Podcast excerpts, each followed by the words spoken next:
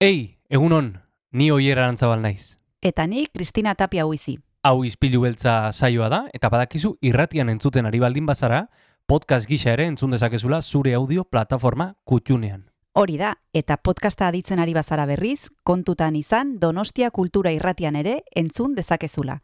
FM eundazazpi puntu lau frekuentzian. Sare sozialetan ere topatuko gaituzu noski, izpilu beltza bilatuta, Instagram, Facebook eta Twitterren. Besterik gabe, guazen gaurko saioarekin. Az gaitezen,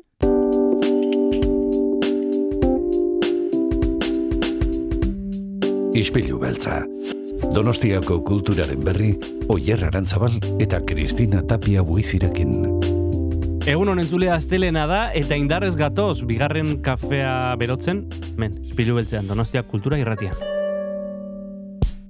Ni bigarren kafea noa, egunon, Kristina, ez dakizu. egunon, lehenbizikoa, oraindik lehenbizikoa. Bueno, pues Bai. aurre hartu dizut ordu. Zu beti nik uste dut lehenago ernatzen zarela. ez dakit. Ez, batzutan bai, igual, eh? batzutan bai. Eh, ez dakit ez na, nagoen ala esnatuko naizen, baina gaurko mm, gonbidatuak badira esnatzeko modukoak. Bai, noski baietz, badekizue, astelenetan etortzen zaigula Mikel Iturria, txintxo txintxo, berak kontatzen digulako ze gauza interesgarri dauden astean zehar, eta hori egingo du, beti egiten duen bezala, eta gainera musika ederrak harriko du, beti egiten duela ere bai. Eta gainera, musikari buruz arituko gara, biola jole batekin, Carlos Sekorekin, e, berak parte hartzen baitu Enigma taldean, eta Brahms versus Mozart zikloaren baitan kontzertua eskiniko duen ez azararen hogeian, ba guk izpilu beltzara ekarri dugu.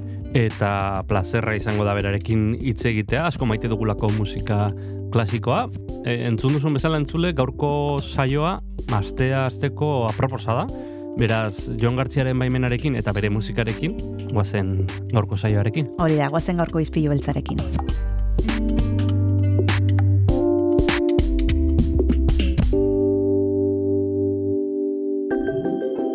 Astelen honen entzule, guazen gaurko saioa hasi baino lehen abesti bat e, entzutera eta asteari hasiera ematera. Mirua talde tolosarraren azken kantua da Basakabi izeneko hau. Eta bertan kiliki fresko txilmafiako abeslarietako bat izan dute kolaboratzaile moduan. Azken aldean kolaborazio mordoa egiten ari da edo ari dela ikusten ari gara. Beraz, guazen entzutera Basakabi izeneko kantua hau.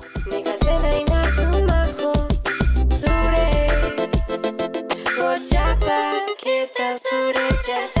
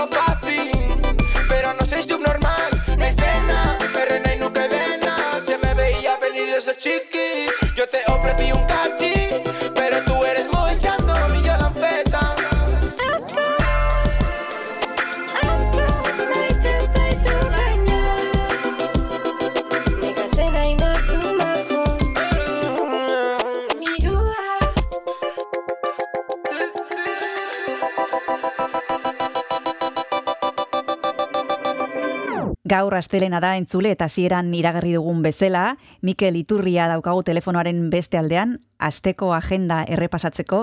Egunon, Mikel, zer modu zaude? Egunon, Kristina. Oso ondo, Oso zau- ondo. bai, bai. bai, bai, zurekin hitz egiteko gogoarekin normalean oierrekin tokatzen zaizu Bai. eta noiz behinkan erekin eta gustora nago tokatu zaidalako berriz ere. Ni ere, ni ere bai. Bueno, guazen, eh, ongi iruditzen baldima zaizu azaroko hirugarren aste honekin, eta zuk kontatuko diguzu, zer daukagun eh, ikusgai eta entzungai egunotan. Bale, hasiko gea antzerkiarekin, beti bezala, eta ostiralean daukagu Victoria Eugenia antzokian, e, Linkomeriente, hiru aktore nagusi, Kita Manber, Cristobal Suárez eta Marta Belilla, e, ba, protagonistari eh, ematen du Cristobal Suárezi, ba gustatzen zaiola, gustatu zaiola inguru bat, e, etxe bat eta etxe horrek akats bat kakotx artean du, etxe bizitzaren jabea bertan bizi izango da hil arte, ez? Eta hori Kitty Manber izango da eta okerrezpana e, elkarrizketa bat e, elkarrizketatuko dezue, Kitty Manber astian zehar. Hori da, hilaren amaseian, e, Kitty Manber protagonista egongo da gurekin hain zuzen ere, eta ostegunean e, aipatuko dugu baita ere, La lluvia amarilla, lanaren zuzendaria izango dugula gurekin, Jesus Arbues. Oso ondo, ze aipatuko dugu guk literatun jaialdia, eta hau, La lluvia amarilla, ba, literatun jaialdiaren barruan dago, igandean, hilak eh, hogei, iluntzeko zazpietan, lugaritz eh, kultur etxean. E, La lluvia amarilla, ba, Julio Lam, Lamazar izen, bereko eleberrian oinarritutako ikuskizuna da, eta da a, Andres de Casa Sosa zen bakarrizketa, ba, ainelle, Huesako Pirineoetako herri bateko biztanlea, azken biztanlea, ba, iruroita margarren e, amarkadan, e, erabat biztanlerik gabe geratu zen, gero eta ohikoa da hori gure inguruetan, eta herriko azken gauean, ba, ere bizitzako azken gauan, ba, bakardade luzea, ba, kontatzen digu bai herriaren agonia eta bere e, ez, agonia, ez? Eta horrek gorazten dit Oskar Alegriak egiten dituen Pirineoetako hartzainekin egin izan ditu, duena, ez? Laroitaka urteko gizon hauekin azken gaua mendia pasatzea. Itxora ona du, eta? Bai, itxura ona du eta gainera Jesus Arbuesekin izan genuen elkarrizketa ederra izan zen, e, hain zuzen ere bera e, Hueskako herri txiki batekoa delako eta oso ondo ezagutzen du egoera hori eta bueno, kontatuko digu nola kostatu zaion pixka bat e, Julio Yamazarezen e, testua egokitzea, ez da erresa izan beraientzat, hala ere emaitza oso ona izaten ari dira, ze publikoak e, oso ondo hartu du lan hau, eta bueno, ikusiko dugu zer kontatzen digun e, datorren egunotan e, Jesus Arbuesek, esan bezala hemen izango dugulako izpilu beltzan, eta nik ezakit e, dantzari buruz gaur, Mikel, ez dugu ezer esango, ez dago emanaldirik aste honetan, ez da? Hori da, ez daukagu dantza emanaldirik, eta zuzenean joko dugu musikara. Mhm, ederki, guazen ba. Eta lehen emanaldia larun batean izango da, Victoria Eugenia antzokian, Kubatik etorriko da Eliades Ochoa, bere taldearekin, laukote edo boskote naiz eh, oso ondo gogoratzen orain, baina esate dute ba, sonero kubatar ba, izen handikoa, ba, ezaguna da, kuarteto patrian ibilitakoa, esaten dute bere bere launaldiko gitarra jotzailerik onena dela, eta Buenavista Social Club album historikoetan, ba, izarretako bat, esango nuke gazteena izan dela. Esan e, seikote formatuan, oin txiku ziretatua, seikote formatuan e, etorriko da, eta eskatuko dizut, kuarteto patria garaian asko entzuntzen e, pintate los labios Maria abestia jartzea. Oso ondo, bagoazen entzutera besti hau.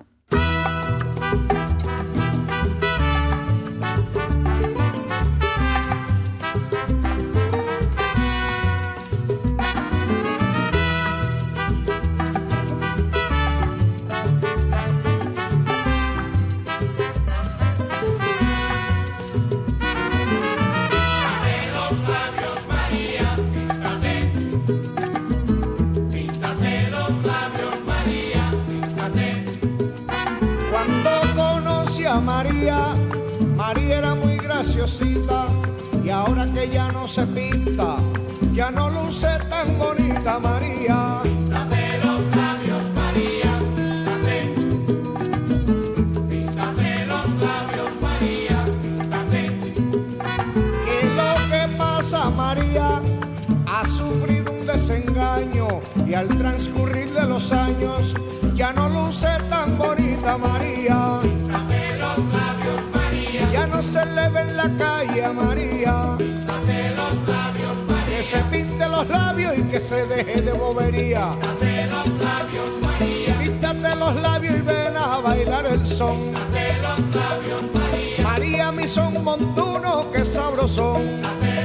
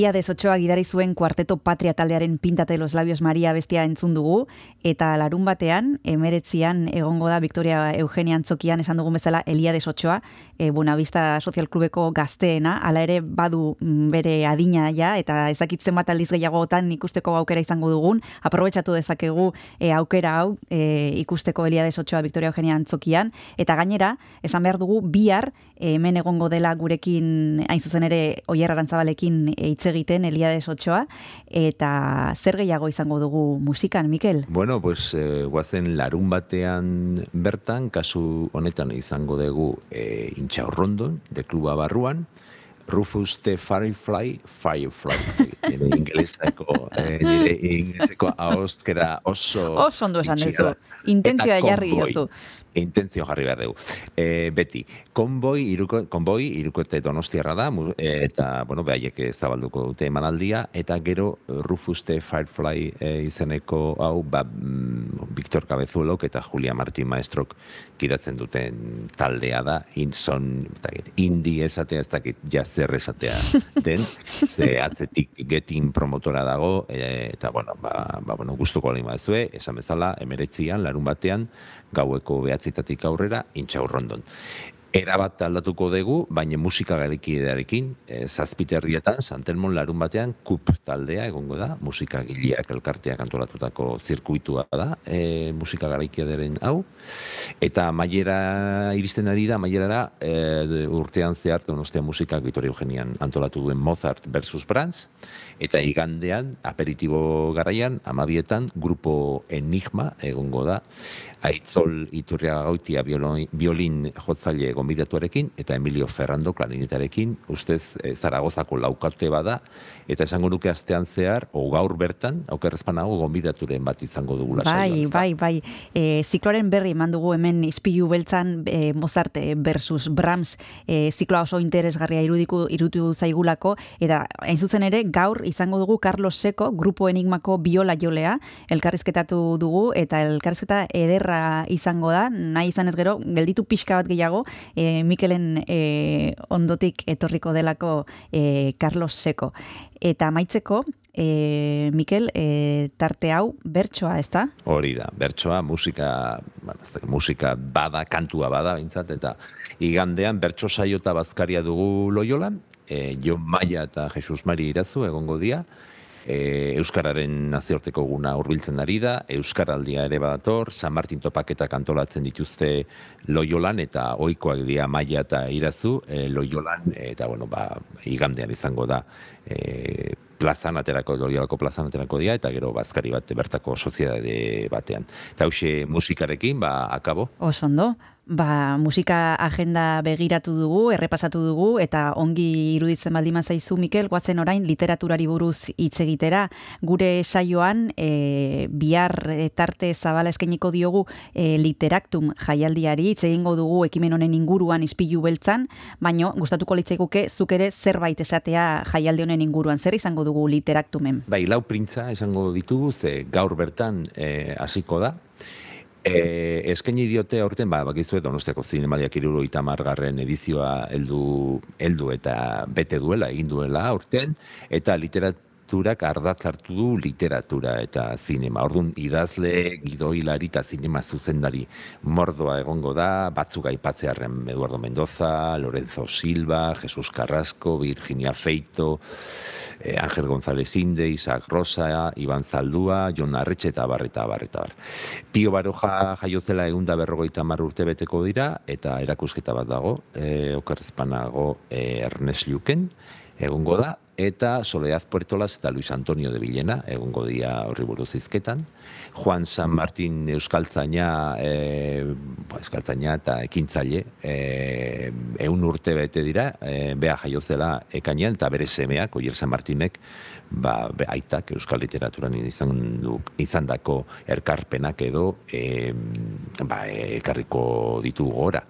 Katisa Girrek egin du liburu bat zinemaldiaren donostia sarien inguruan, eta literaturen barruan aurkeztuko dugu, Ruth, zuk hain ondo ezagutzen duzu, Ruth Perez Anuzitarekin, e, literaktun txukia dago, James Joyce, eta bar, eta bar. Gaur, aipatuko ditugu gaur dauden bi, bi itzordu, bi itzorduan. Gaur, peloz bizarralde, egongo da Ernest Luke e, kulturetxean Peñatzara solarekin solasean, eta ordu berean, zazpietan, baina okendon Ana Merinok Jesus Carrasco e, elkarrizketatuko du.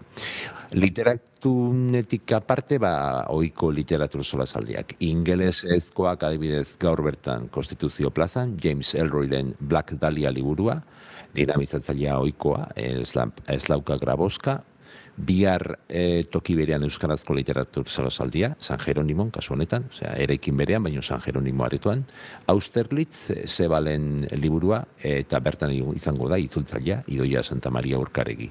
Dinamizatzailea eta koordinatzailea, inigo aran barri da. Aste azkenean Ana Merinok Tomasenen zuzentzun duen e, literatur solasaldia, Álvaro Ponboren relatos sobre la falta de sustancia, e, horko e, relato batzuk edo jorratuko dituzte. Ostegunean Ernest Luke badauka iriko idazlei eskaintzen die ba, bertan topagunean aurkezteko ba, aukera, eta Luis Iruretak todos quieren matar a Agirre e, e, ba, liburu hori aurkeztuko du.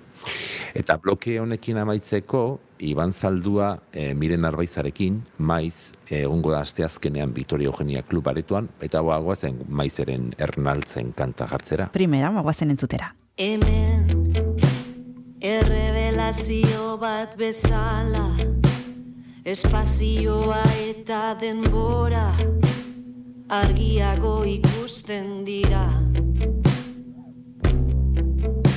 Hemen ditzen ditut errasten soma ditzak etzelatan arrapatzeko zai. Hemen ibilitako bidea zeharkatutako unea argiago ikusten dira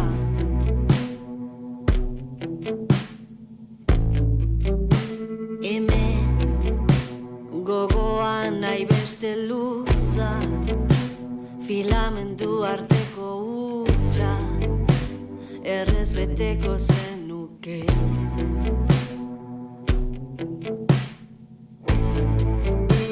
Hemen gogoan nahi beste luza filamentu arteko utxa errez beteko zenuke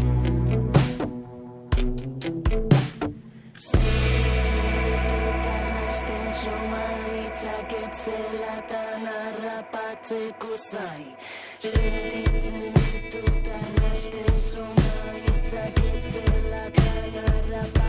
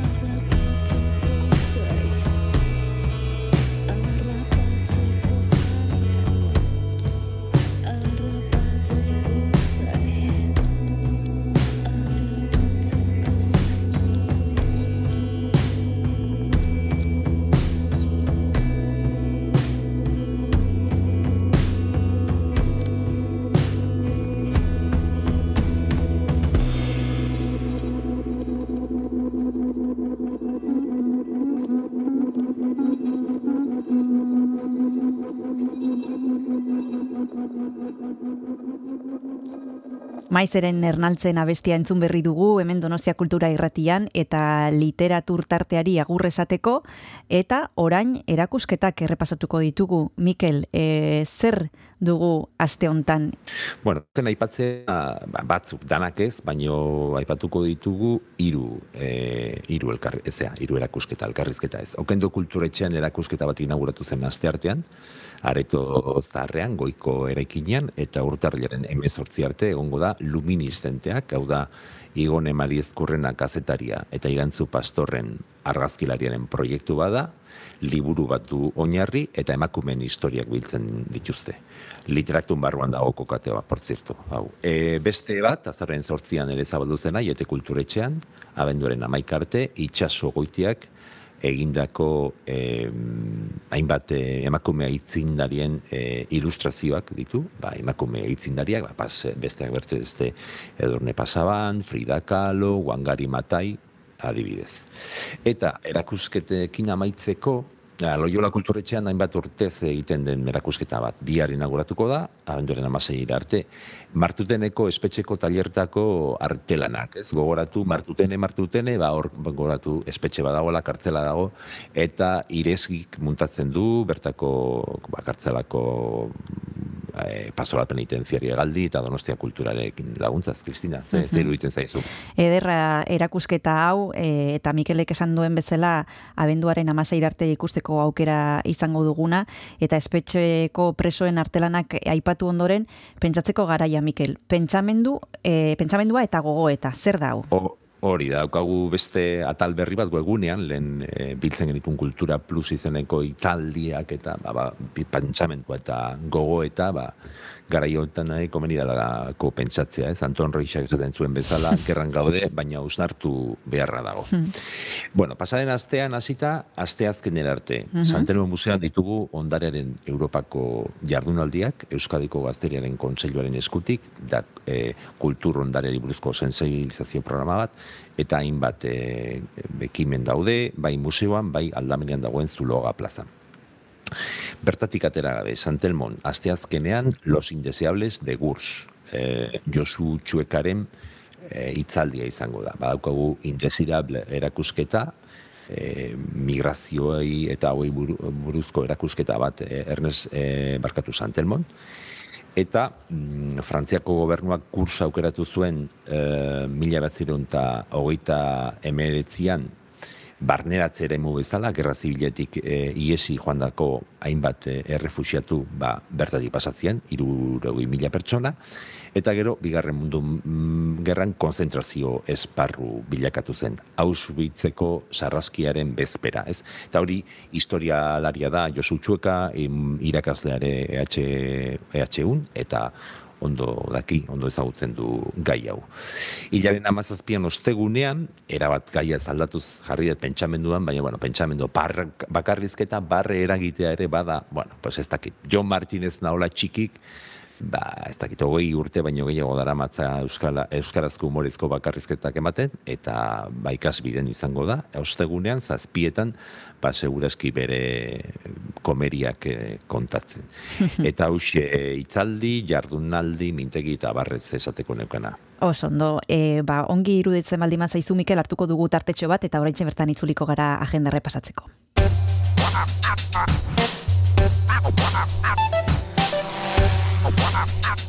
Donostia Kultura Irratia. Zabaldu gurekin Donostialdeko kulturaren leioa.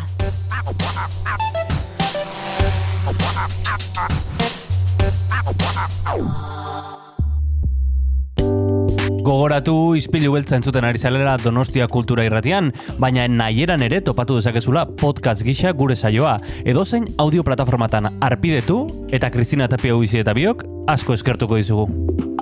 Orain jarrai dezala saioak.「Donostia Kultura Irratian jarraitzen duzu, izpilu beltzan gaude, entzule eta badekizu gaur e, astelena denez, Mikel Iturria daukagula da telefonaren beste aldean, asteko agenda errepasatzen ari zaigu, eta errepasatu ditugu erakusketak, musika, antzerkia eta bar, eta orain aurren txanda da. Zer daukagu e, aurrak e, ditugun familientzako aste hontan, Mikel? Bueno, guazen aipatzea hiru gauza. Mhm. Gogoratuko dut, bihar literatun Bai. jorratuko duzu, eh? E, za, e, zabal behintzat. Hor literatun txikia izeneko programa bat dago, informazio guztia literatun, lehen ez dut esan, baina literatun.eus webgunean dago, eta nik eh, hiru ekitaldi aipatuko ditut, batzuk e, literatun txikia barruan dago esartuta, beste batzuk ez. Lanun batean Santelmon, bostetan familientzako artista tailerra emango du e, Luzka Kortajarenak, eundurak e, izeneko tailerra izango da, bos urtetik gorako aurrei begira, E, larun batean goiz eta arratzalde San Jeronimon liburutengi na, nagusiak duen aretoan ipuin kontalarien zortzigarren maratoia, e, Donostia Kultura Galtzagorri elkartearekin batera antolatutakoa, eta hainbat saio di, e, egongo dira. Ah, goizez egongo dira amaiketan saio bat, e, bi lau urte bitarteko aurrei begira, Lourdes Gorostegi eta Idoia Barandiaran, amabietan Juan Cruz Zigera beide, egongo da, bos behatzi urte bitarteko aurrei, eta e, aurrei begira, eta arratsaldean bostetan Iñaki Karreterok e, bat, zazpi amabi urteko entzat, eta seietan, bai amabos urtetik gorako aurrentzat, Mireia Delgadok eta Uribarri Atxotegik. Azken gomendio gisa, egia kulturetxeko gaztestenan, larun batean bosterritan tartalo gaztaren sekretua, logela multimediaren ikuskizun bada, bizkaitarraria, logela multimediekoak, eta hiru urtetik gorako aurrei begira, e, elorriotik e, datorren proposamen hau, ba, tartalo gentilaren kontaira fantastikoa. Eta hauxe gaurkoz, kontatzeko nuena, Kristina. Oso ondo, ba, gogoratu dezagun beste behin, komeni dela gertutik eh, jarraitzea Donostia Kulturaren eh, sare sozialak, batez ere Twitterrekoa, abildua Donostia Kultura eta webgunea donostiakultura.eus, zeren azken orduko aldaketak hortxe bertan iragartzen dituzte, eta bueno, pendiente egoteko bada espada. Eta gur esateko, Mikel, ze kanta jarriko duguzu? Ba, emakume bat jarriko dugu, emakume gazte bat, Berde Prato musikaria, Ana Arzuaga, artista, ze ez da bakarri musikaria, beste zenbait alorretan ere badauka, zut pintoria ere badela, aukerrezpan hau, eta nire garaiko kanta batekin, ez, egin du zu atrapatu arti, arte, kortaturen bertsio bat egin du, eta horrekin esango dizuet, aio, aio. Ederki, bagoazen entzutera Berde Prato, eta urrengora arte, Mikel, besarkada bat. Venga, zuei beste bat.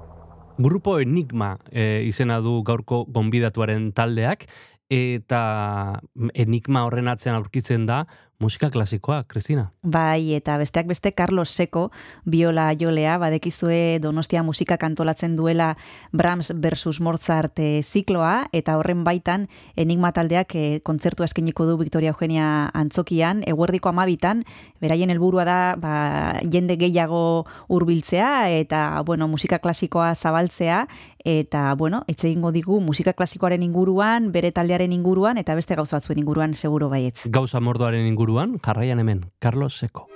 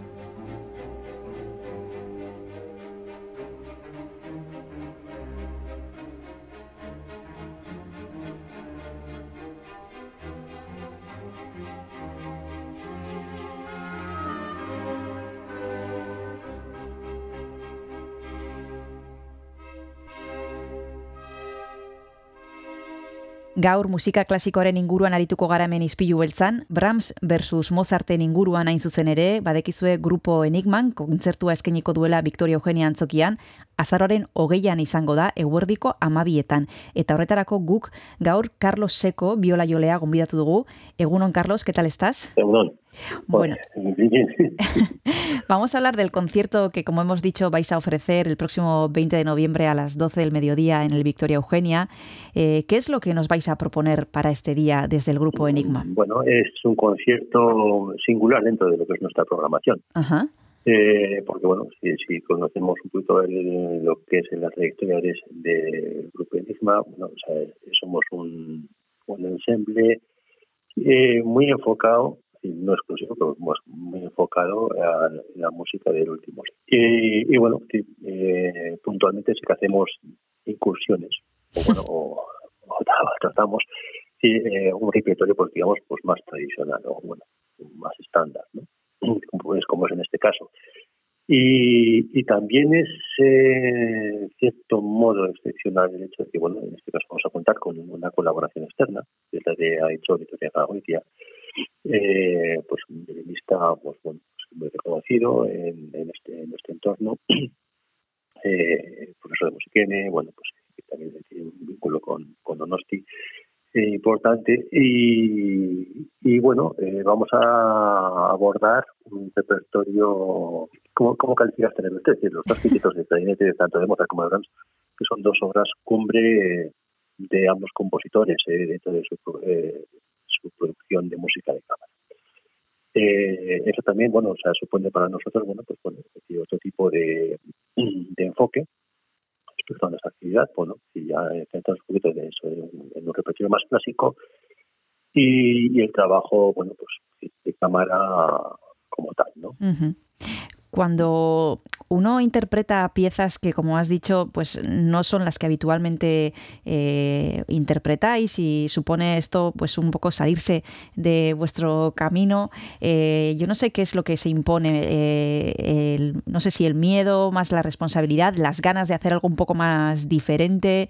eh, bueno, ¿cómo afrontáis este, No, este concierto? A ver, con, con muchísimas ganas.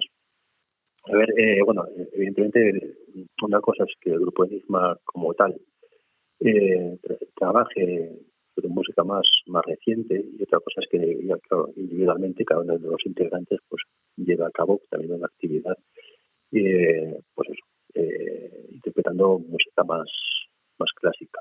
¿no? Que, bueno, pues todos tenemos experiencia en este repertorio. Pero bueno, para nosotros la, la oportunidad de, de tener, pues digamos, eh, tener que abordar unos lenguajes igual un poquito más estándar, bueno, pues también nos supone un, bueno, eh, un tratamiento diferente Mm. eh, en cuanto a que, bueno, pues el, el lenguaje es, pues eso, eh, es más conocido eh, y nos proporciona además, pues eso, la, la posibilidad de, bueno, de trabajar otras características que, que en grupo no trabajamos habitualmente, pero que, bueno, que, que suponen una especie enriquecimiento para, nuestra actividad eh, habitual. Eh, y además, bueno, o sea, si es que si, además nos centramos en, lo que van a ser las obras que componen el, programa, pues. Cómo no vamos a disfrutar de tocar estas obras. Claro, mencionas eh, el grupo, Carlos, y vamos a citar a, los, a las personas que lo integráis. Eh, por un lado, tú con la viola, Víctor Parra con el violín, Emilio Ferrando al clarinete, eh, Sol eh, con el violonchelo, y ya has citado a Itzol Iturriagoitia, que va a ser el violinista, que mm, nos has citado, que nos has contado que cada uno de vosotros, bueno, participa también en otros proyectos y también tenéis este en común. Eh, cuando algo así ocurre, eh, basta con ejecutar lo que pone en la partitura. Tiene que haber algo más, una química, para que eso se eh, traslade y, traspase el, patio de butacas o no tiene por qué. Hombre, a ver, las ejecuciones, que suena mal decirlo así, digamos que siempre son suficientes. Otra cosa es que ya cuando estamos hablando de, por un lado, tenemos ya una trayectoria pues de veintitantos años, que eh, además la, lo que es la plantilla del grupo pues, eh, es estable en, los últimos 20. Es decir, que, tanto Emilio, Víctor, Sol y yo pues llevamos trabajando juntos eh, todo este tiempo, bueno, eso nos, nos, nos da un pozo ¿no? de, bueno, de, en cuanto a sonoridad y, bueno, ya de conocernos, de, de cómo abordamos las, las obras, ¿no? Eh, por este, por otro lado, bueno, la, la participación este caso de editor supone para nosotros también bueno, pues un- una aportación de, pues de, otra visión, de, eh, punto de, de aire fresco, es decir, bueno, pues que viene a colaborar con nosotros alguien, pues bueno, pues, con nuestra forma de trabajar y bueno, para nosotros es, es muy importante y aparte, bueno, pues muy, muy enriquecedor. Eh, a partir de ahí, bueno, pues eh, ¿qué te iba a contar? Eh, pues con muchas ganas de, de ponernos ya a tope con estas, con estas obras.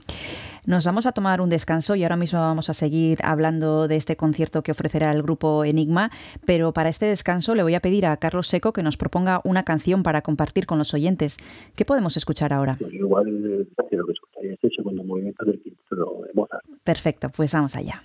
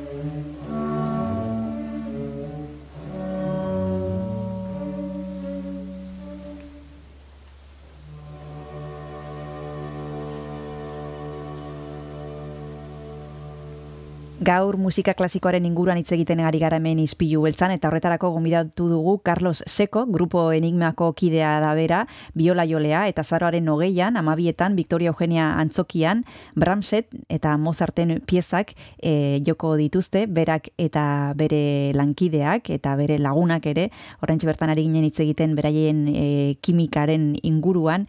Estábamos hablando de que el concierto será a las 12 del mediodía, Carlos, una hora que a priori no es eh, muy común en los conciertos que podemos disfrutar aquí en Donostia, como el resto que componen este ciclo. ¿Crees que esto favorece a que se acerquen públicos, bueno, nuevos públicos, podríamos decirlo de alguna manera? Eh, yo creo que sí, y aparte, bueno, pues, eh, también supone una oportunidad para, eh, no sé, eh, para que la cultura tenga eh, otro aporte sí, en lo- que es la, la dinámica eh, diaria, ¿no? Eh, Pues es verdad que la música clásica, bueno, decimos, bueno, de los conciertos, pues estamos abiertos a que sean en jornadas vespertinas, pero mm, por otro lado, eh, eh, eh, yo siempre pienso que las, eh, las mañanas de los domingos, eh, las, estas matinés, son muy muy útiles.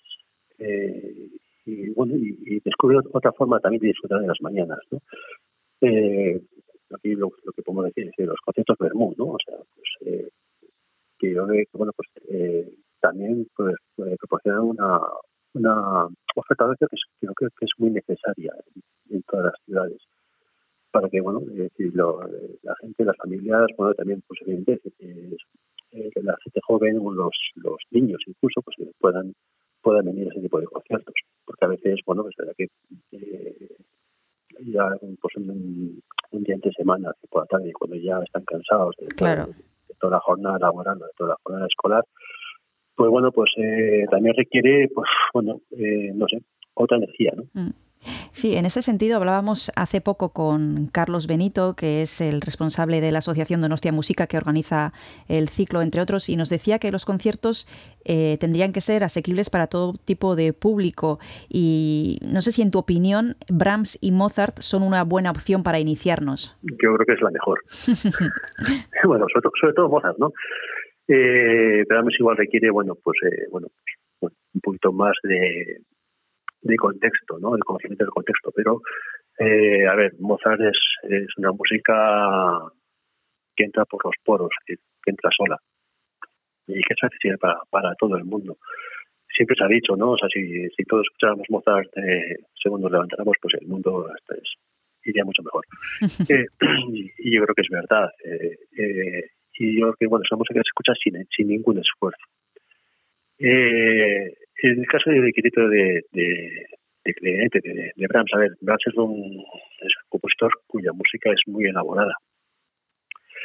Eh, y bueno, pues es que, que tiene mucho más peso, es es una, una pintura al óleo, ¿no? Que está hasta el último detalle está, está escrito. Eh, entonces eso se traslada, es una música mucho, mucho, mucho más densa, pero eh, aún así, particularmente este quinteto, yo creo que es también eh, muy, muy asequible para, para todo el mundo. Es una música eh, que transmite una serenidad mm, muy particular y aparte, bueno, pues, temáticamente, bueno, pues es muy rica, eh, muy fácil de escuchar. Sí, hablábamos de fácil y de difícil y mm, aquí hemos hablado en muchas ocasiones con intérpretes de música clásica, con programadores de música clásica y hablando de si, si es verdadero el prejuicio o el cliché de que este tipo de música es difícil o que es solo para algunos. ¿Es un prejuicio o es verdad en tu opinión, Carlos? No, es un, es un prejuicio. Es. Yo, yo creo que eh, hay mucho hay mucho miedo cuando hablamos de la, de la música clásica, porque la gente yo creo que pues no sabe muy bien a qué se va a enfrentar, ¿no? Qué, qué es lo qué es lo que va a escuchar. Es verdad que es una música bueno, como todas las artes, las artes o sea, eh, un poquito, digamos, más elaboradas, ¿no? Eh, Requieren tiempo, requieren, bueno, atención, y, y por otro lado, eh, pues digamos que tenemos el, eh, el handicap, digamos, con la, con la música más actual, que no es porque, y yo, yo siempre he pensado, decir, porque es más fácil escuchar, pues, no sé, Rosalía o lo que sea, decir, que, que Brahms. Y yo, básicamente porque estamos constantemente escuchándolo. Entonces ya eso ya eh, hace que ah, estemos más familiarizados con ese tipo de música. Eh, si evidentemente la música clásica estuviera igual de presente, es decir, pues, por supuesto, o sea, sea algo eh, pues mucho más eh, pues conocido por todos y sin más. Eh, entonces, ¿qué ocurre? Yo creo que, bueno, en principio la, hay un poco eso de, etiqueta, ¿no? La música clásica como que es selecta, ¿no? Es decir, yo, yo que nunca, nunca lo ha sido. Si, si pensamos eh, que Mozart para quién escribía, Mozart no escribía para un público selecto, Brahms tampoco, es decir, si es que todos consumían ese tipo de música. En aquel tiempo también la música de Mozart era actual. ¿no? Y, y, se, y se consumía así, pues que ya no era la música que, que eh, digamos que promocionaba o que eh, encargaba ¿no? un, el noble o solamente para, para, para consumo propio, sino que esto era música bueno, que ya, era, ya estaba, eh, digamos, socializada, ¿no?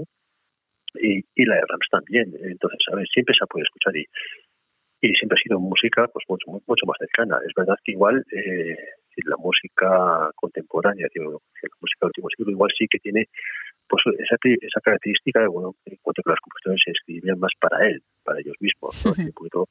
pero en este caso, a ver, o sea, decir, la música romántica, la música clásica, era música, música de consumo, de consumo habitual. Ahora mismo vamos a seguir hablando de la música clásica, pero nos vamos a tomar el segundo descanso y te voy a pedir, Carlos, que nos propongas la segunda canción que podemos escuchar ahora. La segunda, bueno, pues allá, eh, yo escucharía el, quizás el segundo movimiento de, de, de Brahms. Perfecto, pues vamos a escuchar a Brahms.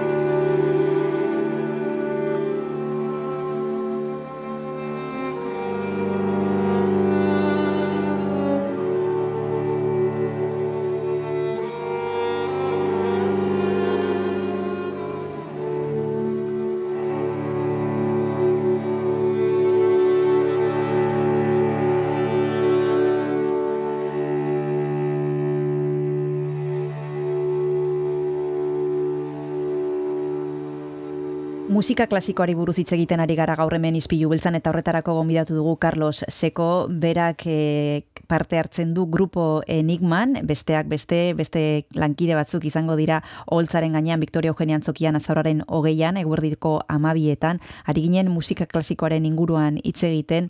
Estamos hablando de la música clásica y por tu experiencia, Carlos, eh, la afición por la música clásica ¿Crees que es eh, similar en los países de nuestro entorno? Eh, ¿Crees que estamos un poco más atrasados con respecto a otros lugares de Europa o estamos parecido? Estamos seguramente atrasados es, eh, no, no pillamos el tren y no lo pillamos. Eh, y eso que, bueno, hay, eh, hay, mucho interés ¿no? bueno, por promocionar este tipo de música y bueno, yo creo que hay muchas posibilidades y mucha oferta para, para poder llegar ahí pero yo creo que bueno pues eh, nos falta nos falta tradición nos falta tradición. Eh, digamos bueno pues decir la programación musical en, en este país bueno pues pues digamos tenemos nuestras temporadas de orquestas de, de auditorios con situaciones eh, pero bueno, tiene un público muy fijo eh, yo creo que hace falta de alguna manera incentivar bueno o bueno no más que incentivar hace falta trabajar un poco eh, bueno, sobre todo el público joven, eh, para bueno, para poder ir renovando además eh, generacionalmente nuestros, nuestros públicos. Eh, es, es un tema eh, que lleva, bueno, lleva mucho, mucho recorrido. Yo creo que hay también eh, la, función de, de los conservatorios y de, de las escuelas de música en cuanto a, bueno, a fomentar eh, pues la, asistencia de la generación de públicos, pues eso es muy, muy importante. Mm. Citas los conservatorios y las escuelas de música, Carlos, pero las escuelas, los colegios, porque pues aquí hemos hablado con personas que nos han citado a otro, otros países en los que en la escuela ordinaria, en la escuela reglada, eh, la música clásica tiene un peso muchísimo mayor del que tiene aquí, si es que aquí tiene alguno. Eh, y no sé si ese también sería un hueco que deberíamos tapar y es que en la, en la escuela, pues en la escuela común, eh, tenga la música clásica también eh, su espacio. Eh, evidentemente, evidentemente, y no solamente la, la música clásica, las, las expresiones artísticas tienen que tener un tratamiento adecuado en la educación. Eh, es, fundamental, yo creo que también es el, es el punto de toque. Eh, había mucho que hablar ¿no? sobre cuál es el enfoque, el mejor enfoque para, para que los, los jóvenes eh, accedieran a, a, todas las expresiones artísticas, la música incluida, o sea, pero no solamente la música. Si estamos hablamos del teatro, podemos hablar de, de, las, de las bellas artes, de, las, de la pintura, de, de tantas cosas, ¿no? Eh, pero claro, también hay una, hay una cuestión que, claro, que en la música es, eh, es fundamental. Eh, ¿qué, ¿qué, tiene la música que no tengan otras artes? Bueno, no, no la música, las artes escénicas que no tengan otras artes. Y es que, que las artes escénicas llevan tiempo. Es decir, uno delante de un cuadro puede estar, domina el tiempo y quiere estar delante de ese cuadro. Evidentemente cuando uno va a un teatro, cuando uno va a un concierto, el tiempo no lo domina. Tiene que estar en ahí una sesión, eh, eh, tiene que mantener la atención durante ese tiempo. Y es verdad que ahora mismo la, la sociedad va en contra de esto. Es decir, no la sociedad, es decir, la evolución ¿no? es decir, de, la, de la sociedad va en contra de esto.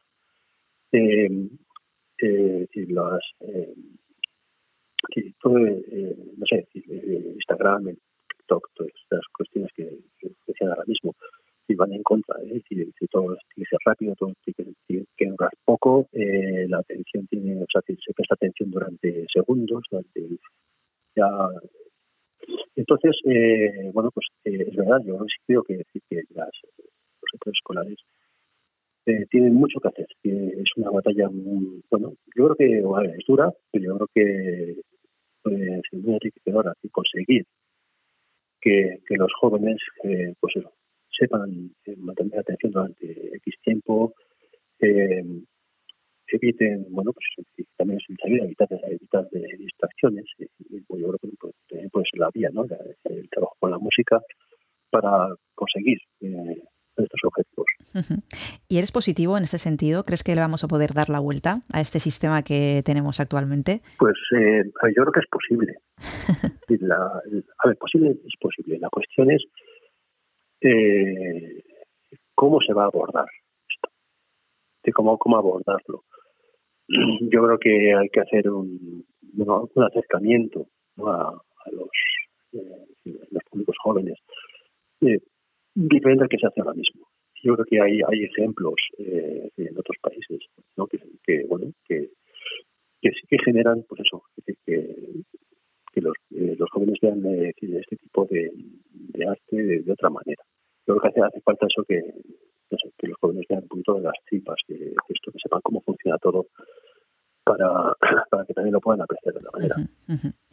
Bueno, nosotros recomendamos a los jóvenes y a los no jóvenes, a todo el mundo que quiera, que se acerquen al Teatro Victoria Eugenia, porque es una forma eh, bonita de, de probar y de probar eh, una cosa que, bueno, a lo mejor puede, puede tener su recorrido y su camino después, que es el concierto que proponen eh, los, los compañeros del grupo Enigma.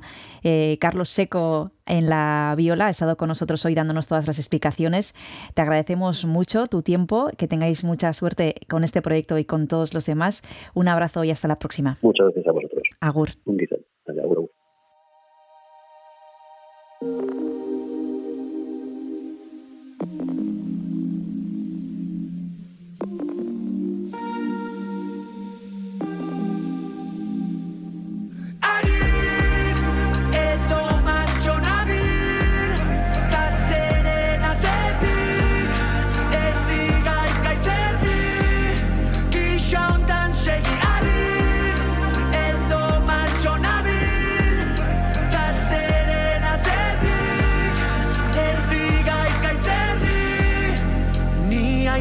Erdibideko, desertu batean malekoi, san izun behin, trampolin baten o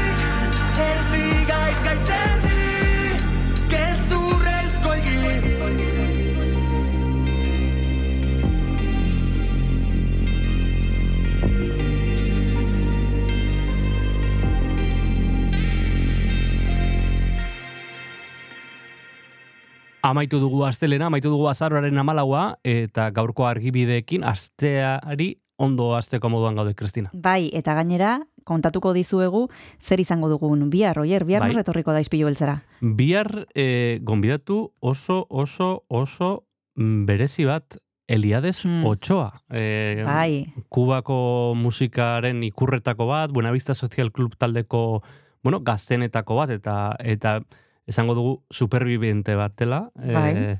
eta tira, ba, ez da lehenengo aldia, donostiara etortzen dela, eta, eta bere abizena e, eskutatzen du, bere jatorri euskalduna ere, berak e, e, e, bueno, rebindikatzen Ez aurreratu, ez aurreratu.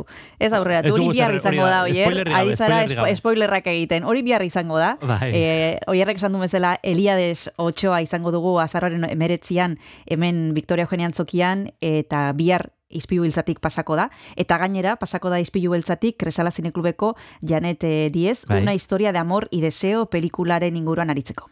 Bueno, hori guztia bihar, esan bezala ez dugu spoilerrik egingo, bitartean zaindu, eta gogoratu izpilu beltza jarraitu nahi baduzu, Twitterren gaudela abildua izpilu beltza kontuan, eta e, nola ez, bai Donostia Kultura Irratian, bai e, audio plataformetan izpilu beltza bilatuta. Besterik ez, agur. Bihar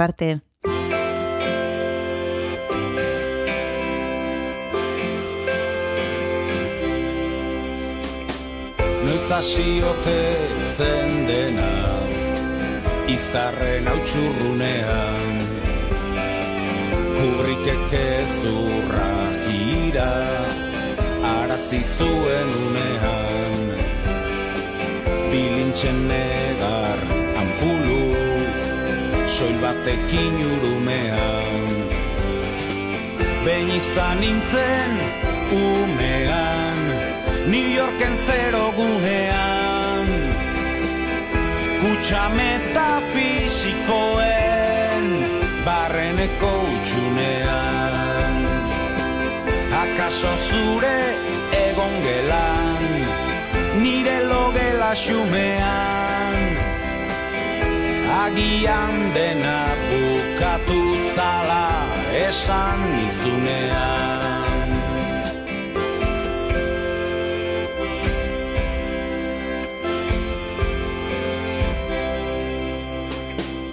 Leze ferta, leze pase Ba alda libre izaterik Grinen liberalismoaz Zer diozu Adan Smith Ekonomiak akaso Biotzak ez du legerik Ez mil urte batek ez bik beratu jenderik Ez dago zu betikorik Ez dago ies beterik. Kuadro beltz bat zurian Utzita joan zen malebik. Zergatik ez dago dutxan Zuk utzitako hilerik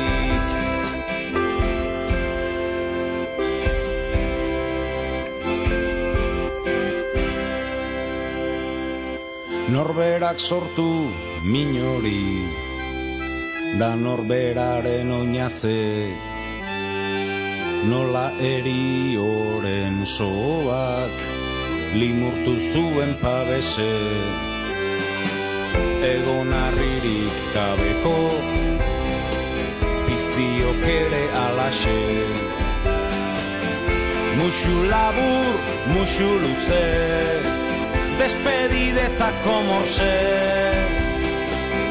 Nik ere izan nahi nuke Batzutan korto maltese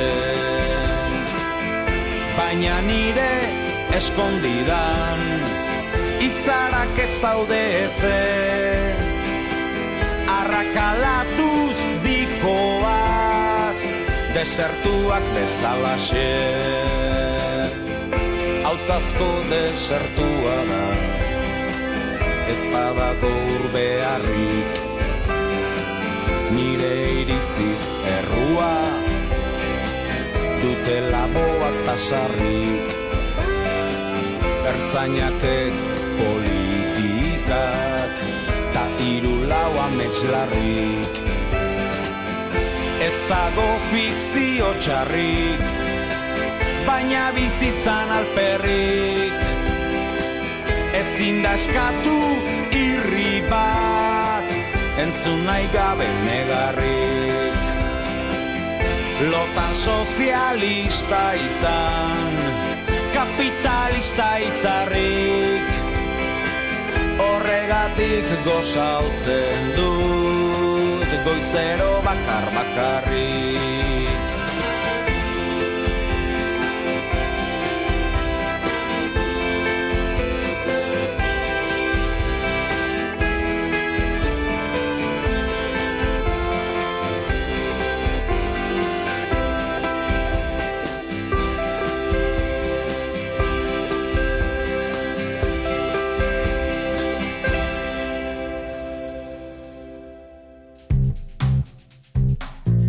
Kanta katilua.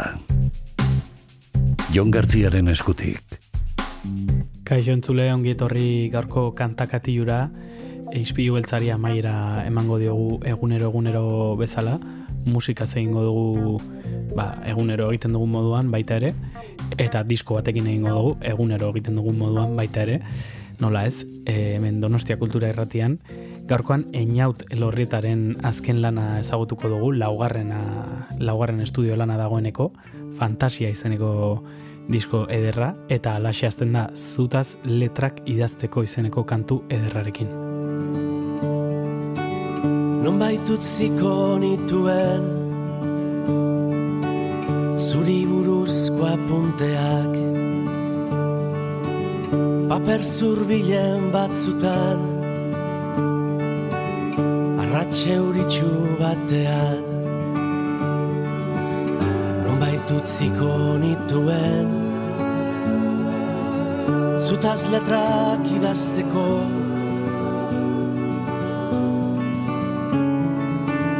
Non baitutziko zintudan. Gaur ni maitatu ostean Non baitutziko zintudan. Arna sartzea zaztuta.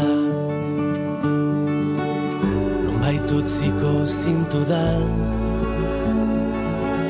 Zutaz kantak egiteko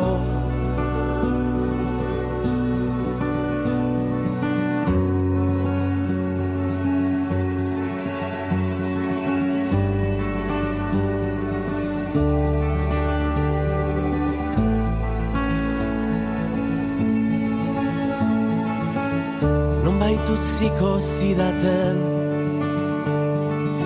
Zelofanetan zoriona. Aurrek irentzi zezaten Amaika terdiak jota. Non baitutziko zidaten Zutaz letrak idazteko Non baitutziko digute Oraindik elkar maitatzen Ametsa utxien gainean Ergelki elkar maitatzen Non baitutziko digute Zutaz letrak idazteko Zutaz kantak egiteko Zutaz letrak idazteko Zutaz kantak egiteko. Duratu nintzen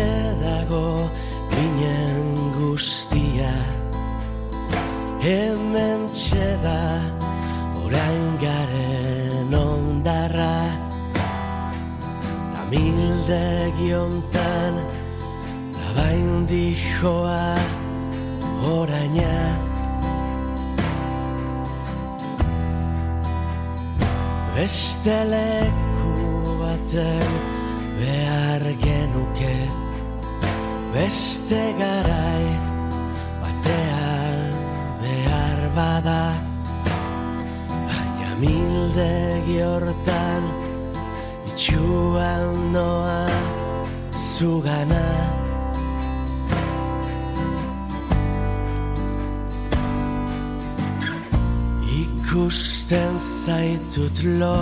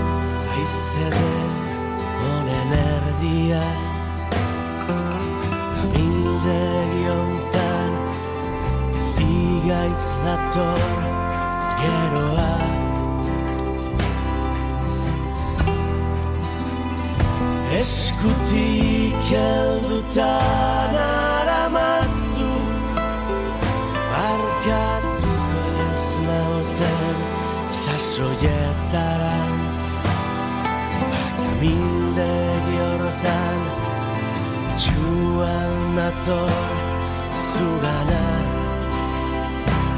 Zugana. Hey!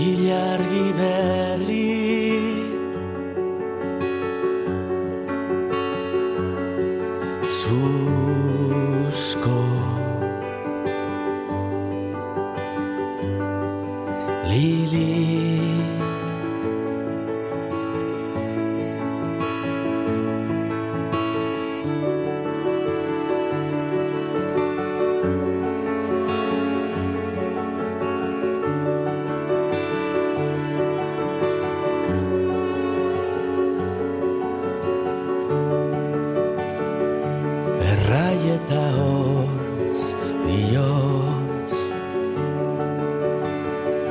Aize eta poz zara Zure zorrekin zatoz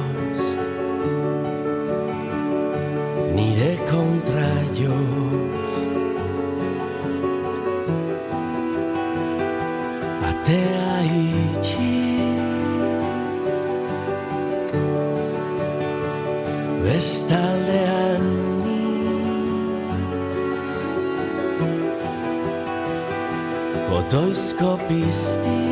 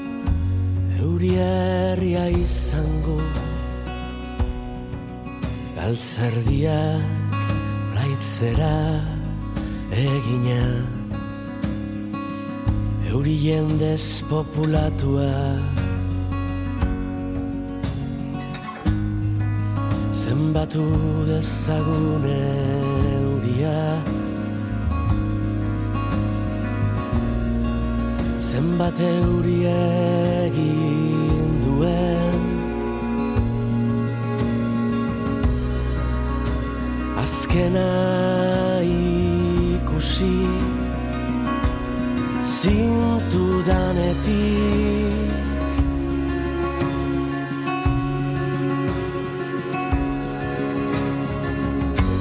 egiten daki zuri egiten daki garratz adarka zaldizka daki egiten euria. Zauritzarrak bezala gugan bizidaia oarkabean ustitzen euri uerra. Zenbatu dezagun euria. Zenbat euri egin duen. Azkena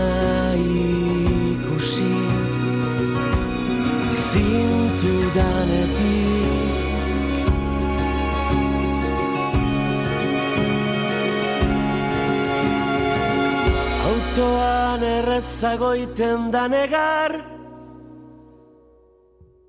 Kanpoan euria denean.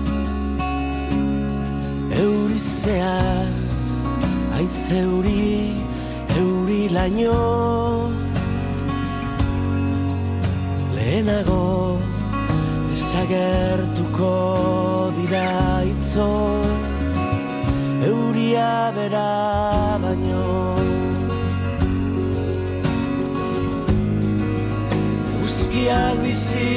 bizitzara nola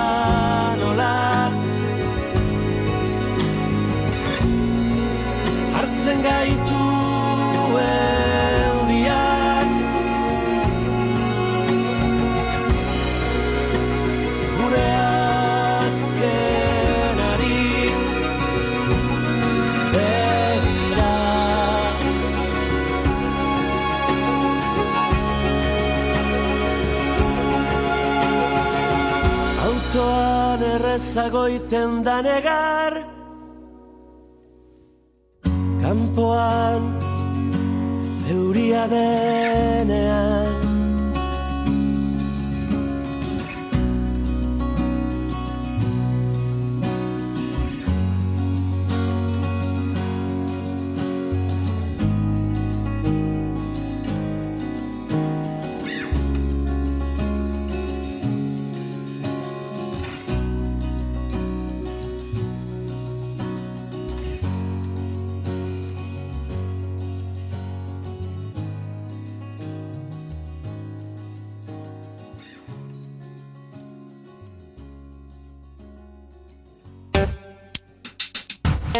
Donostia kultura irratia zurea ere bada.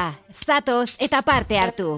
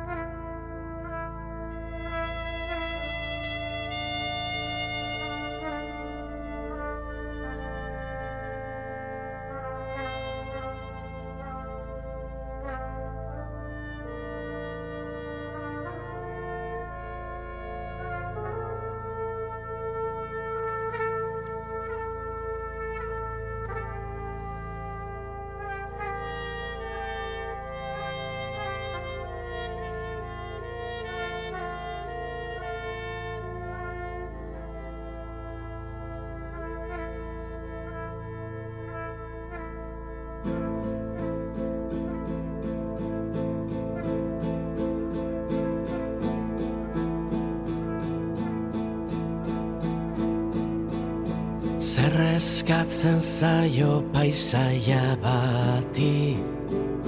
Zerrazten durak zer dara maki Nola egin gorputz bat zati zati. Zenbat egi ditu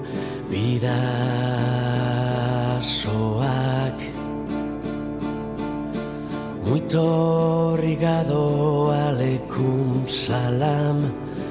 Bastango zainetatik urbeltza edan. Muga ursirrista bat da hilberan Nori abesten dio bidasoak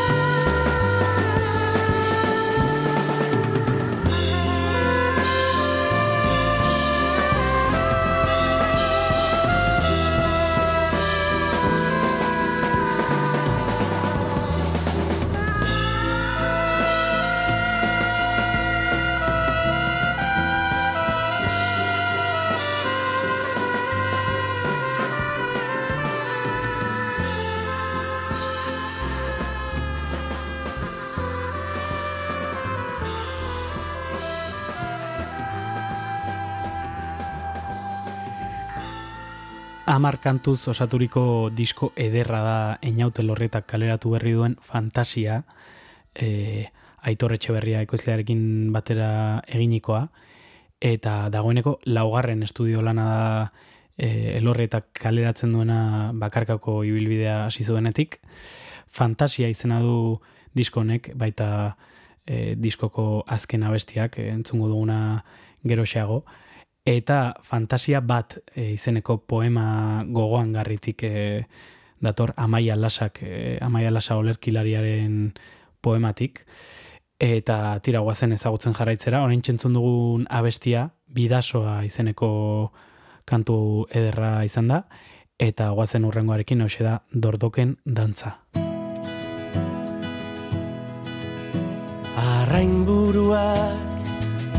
Hangenituen.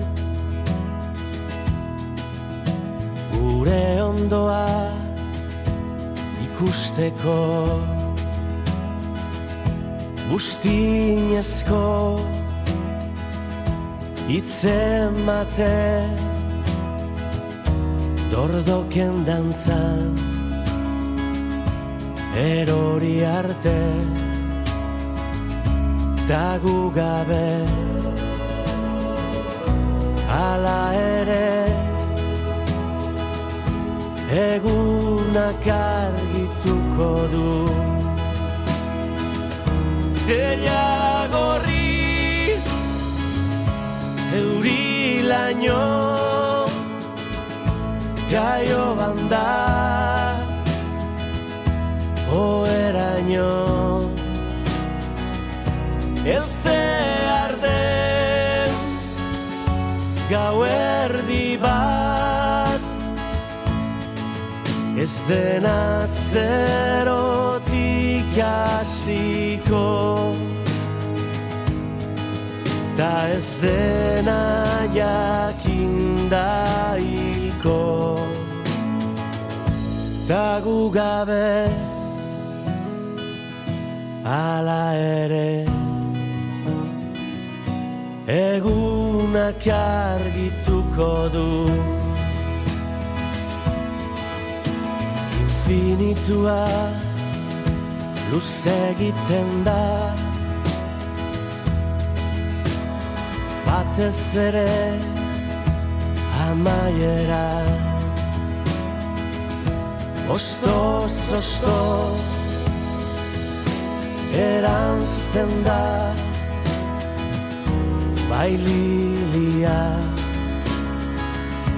Bai oroi mina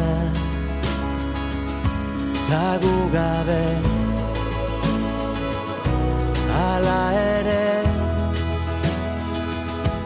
Egunak argituko du. Teia gorri Eurilaino Jaio handak Oeraino Elze arden Gauerdi bat Ez dena zerotik hasiko. Ta ez dena jakinda hilko Ta gu gabe ala ere Egunak argituko du.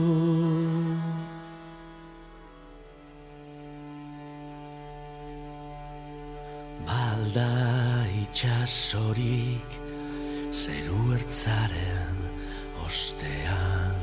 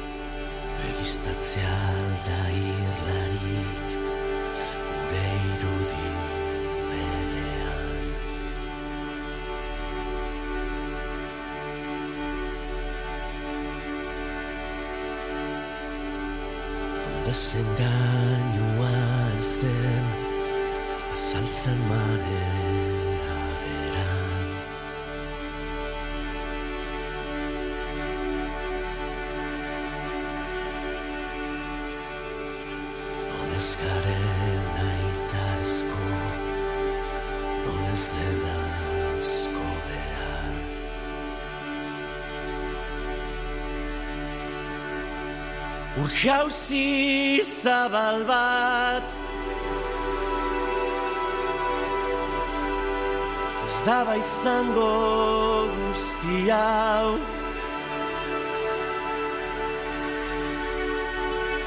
Mugaz bestaldean.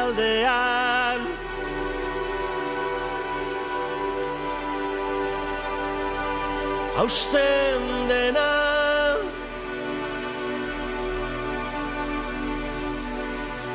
Ezin dizut kantatu jada. Dena ikusi banu bezala. Ez alda itxasorik?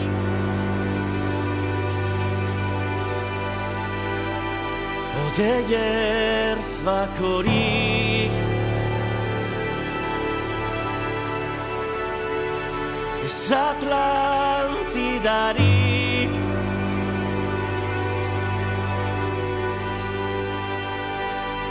guretzako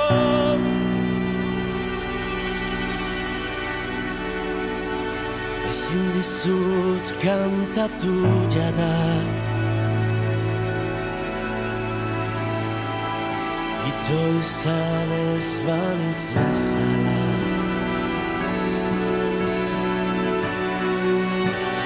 Oinak jare atzan Olatu txikietan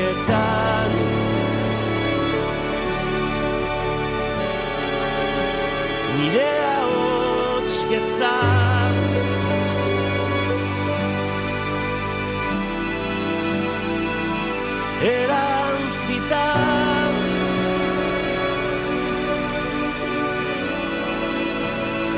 Izinon biluziago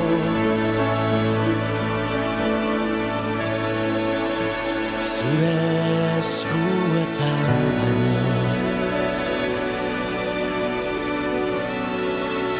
Ena izinoiz biziago Kantatzen dizudanean baino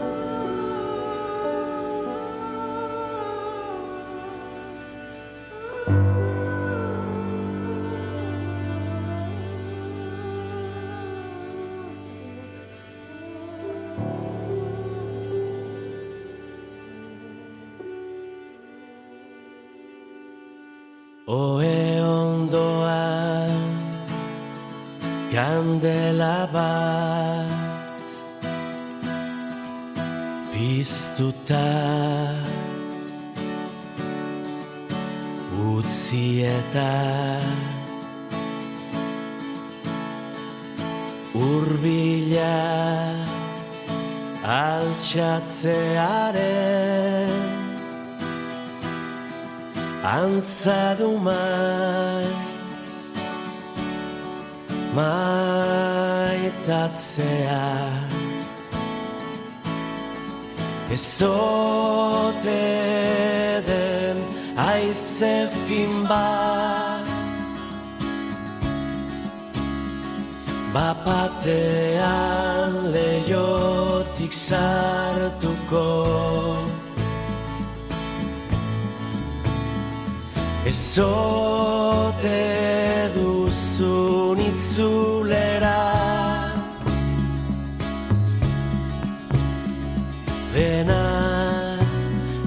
Ta